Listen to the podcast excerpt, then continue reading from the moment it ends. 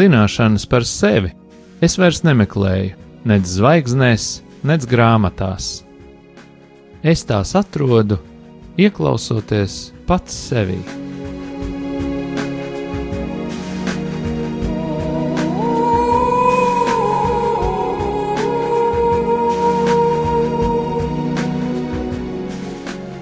Raidījums Mīlestības terapija. Top mīlestības mājai, sadarbojoties ar profesionālo pastorālās konsultēšanas asociāciju. Sarunas par sevi, dzīvi, psiholoģiju un dvēseles terapiju.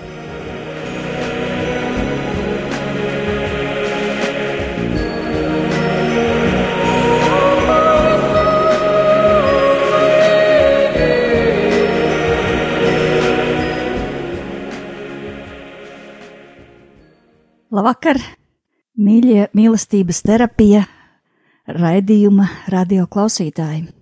Priecājamies jūs atkal satikt šajā vakarā, radio arī radio studijā, un šodien mēs gribam ar jums parunāties par tēmu identitāte.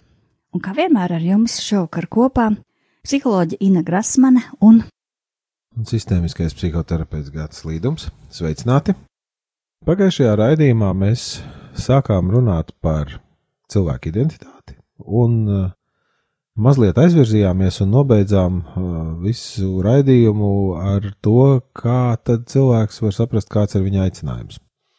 Un tur mēs arī iebildām vai piebildām, ka mēs varētu nākamajā raidījumā atgriezties tomēr pie tā jautājuma, ko mēs uzstādījām, bet līdz kura atrisināšanai vai, vai izrunāšanai mēs netikām. Nu, Kas tad ir tā identitāte?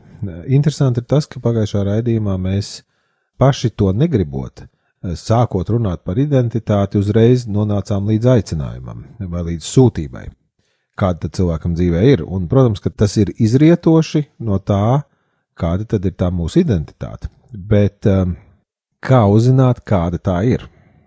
Savā laikā, dažus gadus iepriekš, tātad bija Latvijā viens augsts stāvošs politiķis, kurš kādā sabiedriskā pasākumā nejauši izteica šo jautājumu, kas es esmu. Un tad visi tur ļoti smējās par to un, un, un visādi tur kariķēja šo izteikumu, un man nelikās, ka tas ir kaut kas smieklīgs vai kariķējams.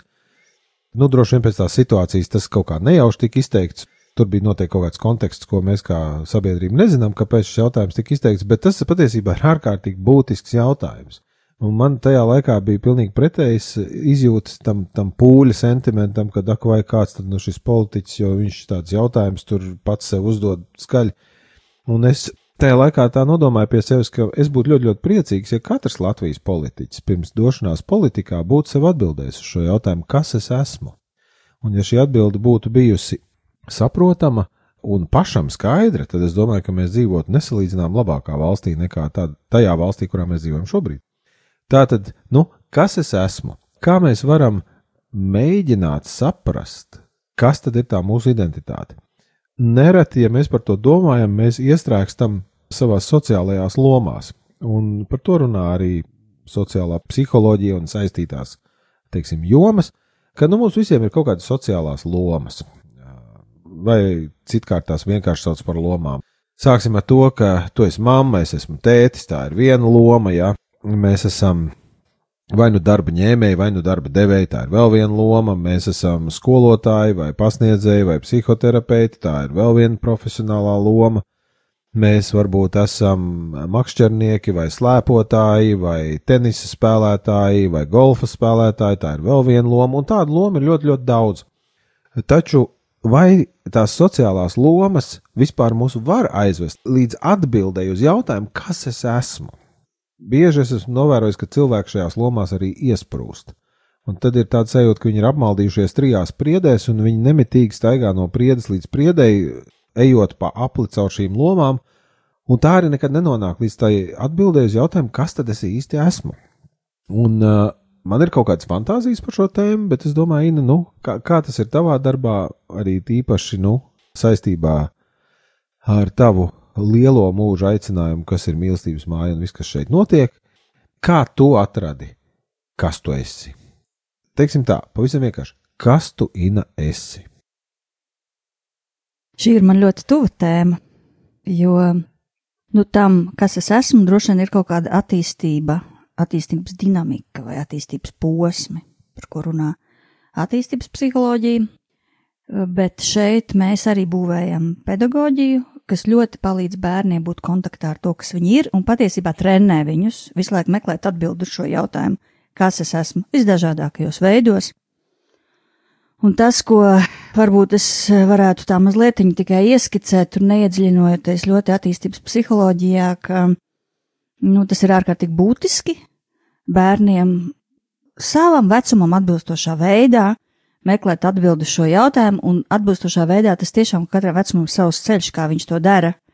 Nu, mēs nevaram pirmās klases skolniekam ļoti racionāli pajautāt, nu, kas tu esi, nu, tur nebūs atbildes. Bet, ja mēs viņiem sākam uzbūvēt savu dzīves kuģi, tad viņi būvē fantastiskas lietas un pastāst par savu dzīvi, to, ko viņi paši pat vēl nenojauš. Un, ja tur līdzās ir vietas gudrs skolotājs, kas to redz un dzird un jūt un saprot, tad viņš saprot, nu, kādā veidā varētu palīdzēt tam dzīves kuģim nonākt līdz tam punktam, kā viņš tagad ir intuitīvi radies. Tātad saruna par to, kas es esmu, sākas jau ļoti, ļoti agri ar bērniem, viņiem saprotamā veidā. Es pat teiktu, māmas vēderā par to var sākt runāt. Ar bērnu par to, kas tu esi un kāpēc tu esi, un kas mēs esam kā ģimenes sistēma.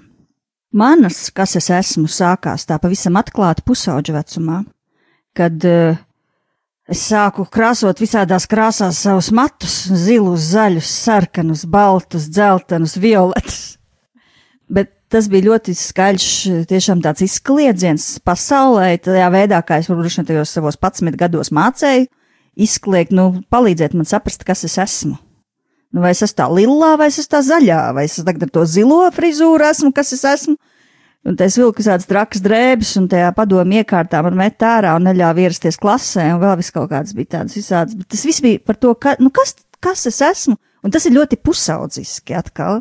Kāpēc viņi dažreiz paliek tādi, tādi, nu, mums nepatīkami, neērti, mums ir grūti, mums mazliet krīt uz nerviem, vispār viņi mūs sauc par stulbaņiem, un par to kādā citā reizē. Bet vi, tas ir tikai ar tādu vienu mērķi, lai meklētu atbildi šo jautājumu, kas es esmu.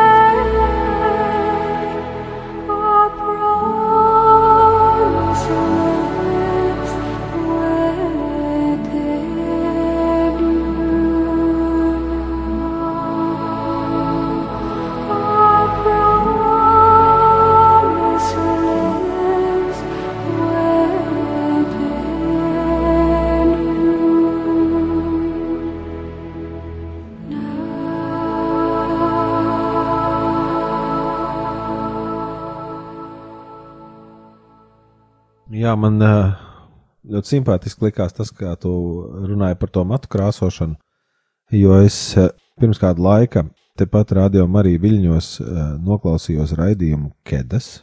Starp citu, ļoti labs raidījums visu vecumu cilvēkiem. Tur gan tika teikts, ka tikai jauniešiem. Domāju, ļoti noderīgi visiem vecumposmiem paklausīties raidījumu Kedas. Tātad tā bija obligātā reklāma pauze. Un tur viena meitene runāja, un tas tika tā iztirzēts kristīgu vērtību gaismā, nu, vai ir labi un pieļaujami meitenēm krāsoties. Tur bija runa par tetovējumiem, bet nu par to krāsošanos. Ja? Klausoties tevī, es domāju, redz, cik interesanti. Patiesībā jau krāsodam savus matus dažādās krāsās pusauģu vecumā, tu nevis mēģināji saprast, kas tu esi, bet tu mēģināji noslēpt visiem iespējamiem veidiem to, kas tu īstenībā esi. Jo, nu, eh, es nezinu, kāda ir tā īstā matu krāsa, bet mēs nerunājam par matiem. Mums visiem ir kaut kāda īstā emocionālā krāsa, garīgā krāsa, fizioloģiskā krāsa, kas ir saistīta ar to, kas mēs tiešām esam. Un tu negribēji, lai tevi redz un lai tu zini, kas tu esi. Tu krāsoji virsū visu pēc kārtas, lai tikai nebūtu jāatbild sev uz jautājumu, kas es esmu. Un šajā kontekstā man vienmēr arī ir licies, nu nevienmēr, bet tad, kad es to šo domu biju izdomājis līdz galam, man sāk likties ļoti bīstami visādu veidu motivējošie saukļi vai teksti, kuri visi iet zem viena virsraksta, tu to vari. Ja? Tikai gribi, tu to vari. Tu vari būt veiksmīgs, tu vari būt bagāts, tu vari būt slaida, tu vari būt muskuļots. Tikai just do it, ja? tāds, vai you can do it, šie sporta firmu saukļi, ja? tikai gribi un tu varēsi. Un tad es tā iedomājos, cik nenormāli lielu spiedienu tas rada uz cilvēku, kurš nav atbilstošs šim sauklim. Cilvēkam ir tiesības negribēt varēt. Jo varbūt tā ir viņa identitāte. Viņam nav jāgrib būt ļoti tievam ar, ar sešpaku vai astoņpaku uz vēdera. Ir ok, ja viņš tāds nav. Un, un tad es domāju par to, nu kā, kā es reizēm terapijā strādāju cilvēki jau ir nopirkuši šo publisko diskursu, vai, vai teiksim to, kas, labi, nelietosim te svešvārdus, kas jauc galvu, ja, bet cilvēki jau ir nopirkuši to ideju visur mē, caur mēdījiem un dažādiem motivējošiem tekstiem, ka, nu, tu vari visu, tikai iegribi un strādā priekš tā un tā. Un, un tad nereti, kad es strādāju ar kādiem cilvēkiem, tad viņi uzreiz jau no starta saka, nu, man ir tāda problēma, ka es nevaru panākt vai izdarīt kaut ko, man ir problēma. Tātad, pateicoties kaut kādā veidā visai šai mēdīju un sabiedrības kultivētajai visvarēšanas tradīcijai, cilvēks jau defaultā vai, vai no starta jūt, ka viņš tā kā nevar, un tā ir problēma. Un tad ļoti bieži, tiešām ļoti bieži, un tā nebija pārtiekšanās, spēcīgs pagrieziens mūsu terapeitiskajā darbā ir brīdī, ka es aicinu cilvēku pārdomāt, vai tā tiešām ir problēma, vai arī tā ir šī cilvēka īpatnība. Un tad izrādās, ka cilvēki, nu, principā neviens no maniem klientiem nekad nav iepriekš domājis, ka tas, ko populārā pļāpāšana par to, ka tu visu vari, tikai gribi, ka patiesībā tas ir viņu iedzinis šajā izjūtā, ka viņam ir problēma.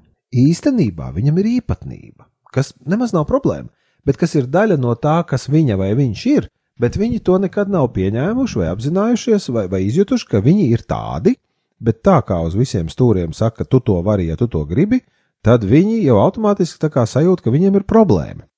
Un uh, man ir bijuši vairāki ļoti spoži gadījumi ar klientiem, kad cilvēks sākot domāt patiešām, Un, un šeit gan es gribu izdarīt iebildi, ja, nu, nu, ja cilvēks atbilst kaut kādiem ļoti nopietniem diagnostiskajiem kritērijiem, kaut kādai diagnozei, tad es nemūžam viņam neuzdošu šo jautājumu. Ja, bet, nu, kur ir runa par kaut kādu tādu nu, dzīves stilu nianses, kur cilvēks man ir problēma. Un tad, kad cilvēks sāk domāt vispār tajā virzienā, bet pagaidi, varbūt man nav problēma, vienkārši es esmu savādāks. Man ir tāda īpatnība. Ja? E, konkrēts piemērs. Viens cilvēks, ar ko es strādāju, bija e, klausījies kaut kādus seminārus par dziļo miegu. Un tur kaut kāds attiecīgi speciālists šīs jomas bija teicis, ka cilvēkam ir kaitīgi gulēt vairāk kā 4 stundas naktī, ja viņš atrod, eh, kad ir tas dziļā miega fāze, jo pārējais miegs tur ir nederīgs un tā ir tikai tāda vārtīšanās, un ja tu pareizi zini savus miega fāzes, tu noguli 4 stundas dziļā miega, tu esi svaigs kā gurķītis, visi 20 stundas diennaktī, tu vai tev ir milzīga produktivitāte, un tas cilvēks tā nav gluži, ja kā šis te pēc atstāšanās šī seminārā tas cilvēks bija stāstījis. Tur ir daļa taisnības, bet daļa nē. Un, un šim cilvēkam bija organiski nepieciešams apmēram 9 stundas miega. Un tā cilvēks bija ļoti ilgi dzīvojis ar vainas sajūtu, man ir problēma, man vajag 9 stundas miega. Jo taču ar četrām būtu jāpietiek, jo tu to vari. Tā ir pareizi. Ja? Un tad, kad mēs sākām runāt par to, nu, es arī cilvēkam iedevu alternatīvas materiālus, kur citi, teiksim, jomas profesionāli runā par miegu un, un visu to. Un cilvēks pirmo reizi sāk domāt, bet varbūt tā tiešām ir mana īpatnība, ka es labi jūtos tad, ja es esmu gulējis 9 stundas. Un tajā brīdī, kad cilvēks sāk domāt šajā virzienā un sāka pakārtot savu dienu tā, lai viņ, viņa varētu gulēt tās 9 stundas, visas emocionālās problēmas, kas tika prezentētas terapijā, atkāpās momentā un pazuda, jo beidzot šī sieviete bija izgulējusies. Viņa vairs nespīdzināja sevi. Eh, gulēt, ejot 12 un ceļoties 4 no rīta un brīnoties, kāpēc ir tik grūti. Tātad, nu, vai tev nešķiet arī, Ina, ka bieži vien tas jautājums, kas es esmu, tā, faktiski atbild uz to jautājumu, kas es esmu, ir tādā mūsu īpatnību apzināšanās līmenī. Man jāsaprot, kas es esmu. Nu, man ir 1,82 m. Ja? Man ir tik un tik gadi, man ir tāds un tāds svars. Nu, es sev pateikšu, ka es varu spēlēt basketbolu tāpat kā Kristaps Porziņš, jo tu to vari, tad es esmu vienkārši muļķis. Tad es galīgi nesaprotu, kas es esmu. Man ir jāņem vērā tās īpatnības, un varbūt tas ir tas ceļš, kā es varu saprast, nu, kas tad es esmu. Un gan fiziski, gan garīgi.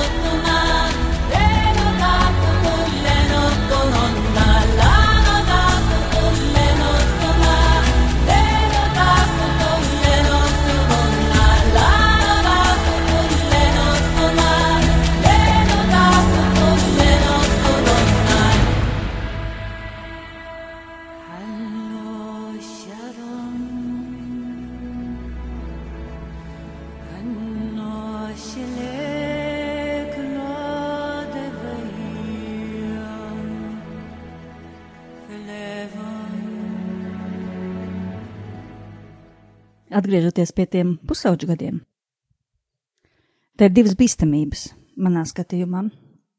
Viena, ka meklējot, kas es esmu, tu sāc sevi salīdzināt ar citiem un tur iesprūst. Un tajā brīdī, kad tu ej pa šo ceļu, kas es esmu, un tiešām nu, meklē briedumu, meklē brīvību, meklē atbildus šiem jautājumiem, tas ir kārdinājums. Es teiktu, ka cilvēks, kas ir atradzis, kas viņš ir, un tad atgriežoties pie iepriekšējā nu, to savu aicinājumu, viņš ir laimīgs cilvēks, vesels cilvēks, to daļu veselo, bet, nu, tur ir arī traģiska līnija. Nu, tad, kad tu esi tas, kas tu esi, nu, tu esi vienreizējs. Un otra tāda nav. Un patiesībā tev nav uz ko paskatīties. Un tas kārdinājums, kad es sāku salīdzināties, jo cilvēka dabiska vajadzība, ieskaitot pusauģu, ir apstiprinājums, un tas ir kaut kas cits nekā to, ko mēs atrodam salīdzinājumā, jo salīdzinājumā tas ir surrogāta apstiprinājums. Un tad lūk, lai tu meklētu atbildi uz to, kas es esmu, pirmkārt, pusaudzim būtu vajadzīgs, man toreiz būtu bijis vajadzīgs apstiprinājums, kur man, protams, nebija, tāpēc es ar tiem matiem tur visu kaut ko mēģināju dabūt kaut kādā surrogāta veidā to apstiprinājumu. Un otra lieta, laikam, otrs kārdinājums, kur tu vari iekrist, ka tu meklē šo savu, kas es esmu, ka tu sāc uz sevi skatīties ļoti kritiski. Un ka tu sāc šīs savas daļas, tāpēc, ka apstiprinājums trūkst, iespējams, noteiktos vecumposmos, tu sāc sevi ļoti kritizēt. Un tā ir tā arī viena terapeitiskā publika mums, cilvēki, kur iesprūst šajā negatīvismā paši attiecībā pret sevi, un tik ļoti iesprūst, ka nespēja paskatīties uz to labo, kas man ir, uz to talantu, jo tajā apstiprinājumā ir milzīgs tukšuma trauks, un tad tu ar to savu negatīvismu, tas tā kā aizstās sauc negatīvismu pa nezālēm pļavā, nu vienkārši vai puķu dobē, nu tur viņas aug, tur, kur tukšums, tur viņas aug, un, un šis negatīvisms, tāda kritiskums pret sevi, neadekvāts kritiskums, nu, kad mēs pat paši sevi sagraizam, tā ir galējā forma tam visam, tāda redzamā jau forma, Nu, tas ir tas vēl viens kārdinājums, kur tu vari iekrist, meklējot vienkārši atbildi, nu, kas es esmu. No vienas puses, varbūt, ja tu tur esi šodien, tad tu vari uzzināt to, ka tu meklē šo uh, atbildi šo jautājumu, kas es esmu. Vienkārši es nomaldījies pa sanceliņu, vajag atgriezties uz tā galvenā ceļa, kas tev aizvedīs. Tātad, atgriežoties pie gata uzdotā jautājuma par to, vai es varu atrast sevi, iepazīstot savas īpatnības, tad es teiktu, ka es varu atrast atbildi uz jautājumu, kas es esmu, iemīlot savas īpatnības, iepazīstot, pieņemot, akceptējot un iemīlot. Es personīgi savā dzīvē nogāju daudzu gadu ceļu, lai iemācītos iemīlēt sevi, un izdarīju visdažādākos vingrinājumus, psiholoģiskos, garīgos, terapeitiskos, lai iemācītos iemīlēt to, kas arī ir salauzts varbūt, jo neviens mēs uz šīs dzīves neatnākam svēts un balts, to, kas ir ievainots, to, kas ir ne īsti precīzs, ne īsti perfekts, un tad, kad tu iemīli, tu spēj iet pa ielu tas, kas tu esi, un smētīt cilvēkiem pretī refleksēti un mierīgi, jo tu esi tas, kas tu esi, un nevajag vairs tos zilos matus, jo tu esi tas, kas tu esi. Es domāju, ka pēc tā, ko tu pateici, te var tikai likt treknu punktu, sacīt skaļu āmeni un vienkārši doties prom un mēģināt šito iedzīvināt. Un starp citu, mēs šito nebijām aizkadrā sarunājuši. Šī ir neiestudēta saruna, kurā mēs patiešām mēģinam palīdzēt paši sev noskaidrot šo jautājumu, un arī, eh, lai tas palīdz varbūt kādam no jums, kas klausās. Tu iedevi pēdējo vārdu šajā sarunā, ka ne tikai iepazīt savas īpatnības, bet tās iemīlēt jo tā ir daļa no tevis.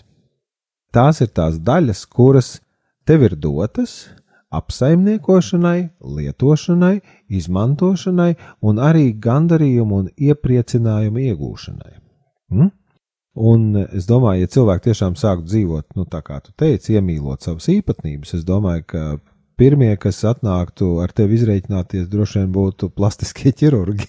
Jo piepieši vairs nebūtu pieprasījuma mainīt ķermeņa formas. Cilvēki būtu ļoti mierā ar sevi. Viņa ir īpatnība, ir tāda, nu, man šī ķermeņa daļa ir tik liela vai tik maza, nu, tā tad es dzīvoju un priecājos par to. Nu, ja tā ir mazāka, tad es varu ātrāk paskriet, ja tā ir lielāka, tad es attiecīgi kaut ko. Nu, tā tad ļoti daudzas lietas šī apziņa ietekmētu sabiedrībā, ja mēs tiešām iemīlētu savas īpatnības, Tātad es jau to aizskāru, ja, bet pirmkārt mēs kļūtu arī daudz apzinātāki patērētāji. Mums būtu ļoti grūti pārdot kaut kādas drazas, tikai tāpēc, ka tas tevi padarīs, nezinu, slaidāku ar mazāk krunkām, un tu mirsi vēlāk un nomirsi veselāks un dzert šo bagātinātāju. Tad mēs teiktu, nē, es nedzeršu to bagātinātāju, un krunkas ir forša lieta. Viņas melnbaltajās fotografijās izskatās ļoti šarmanti. Un mums nevarētu pārdot, mēs, mēs, mēs būtu daudz apzinātāki tajā, ko mēs vēlamies. Un arī par, par garīgo komponentu runājot, mēs, es domāju, būtu daudz apzinātāki arī savās garīgajās izvēlēs. Mēs neskraidītu apkārt pa visādu, kā šķiet no attāluma, dziļi nelaimīgu pusmūžu vīriešu semināriem, kuri tur no skatuves stāsta, ka, nezinu, puse no Latvijas ir muļķi un viņi tikai ir tie gudrie. Nu, mēs neklausītos tādas lietas, mums to nebūtu jādzird. Ja mēs būtu pieņēmuši un iemīlējuši sevi, un mēs ļoti komfortabli ar to dzīvotu. Un kaut kādā ziņā, nu, vai te nav arī tas solis pretīm tai kauns prediķu formulai svētīgi jūs esat, ja jūs tā un tā. Un, un ja es to varu paturpināt, kā tu domā? Vai mēs varētu teikt, svētīgi jūs esat, ja jūs esat iemīlējuši savas īpatnības? Jā, svētīgi mēs esam, ja mēs mīlam. Mīlestības ceļš attiecībā pret sevi, pret viens otru un pret Dievu.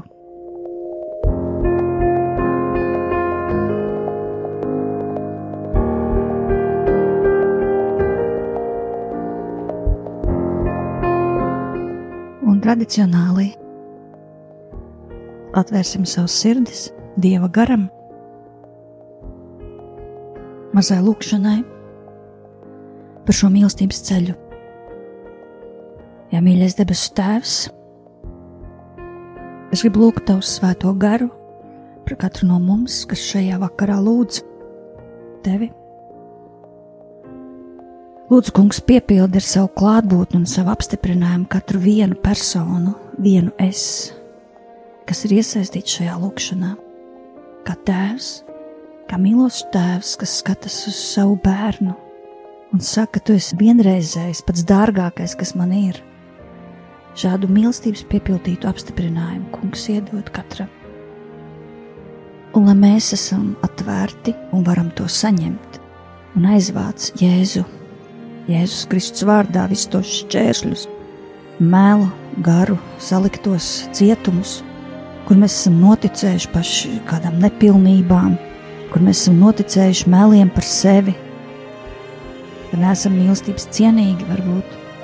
Lūdzu, kungs, ka tu atmasko, izgaismo, dziedini, ka tavs gars, ka tavs apstiprinājumi piepildītais gars var ienākt katrā mūsu dvēseles stūrī un svētīt tēvs mūsu šajā ceļā, kad mēs dodoties tev pretī, meklējam atbildi uz jautājumu, kas es esmu. Svētīgums ir savu vārdu, kas ir stiprāks par jebkuru citu vārdu. Svētī ar savu atklāsmi, ar savu mīlestību, ar savu pieskārienu, ar savu cietinājumu. To visu mēs lūdzam Dieva tēva, dēla un svētā gara vārdā. Amen!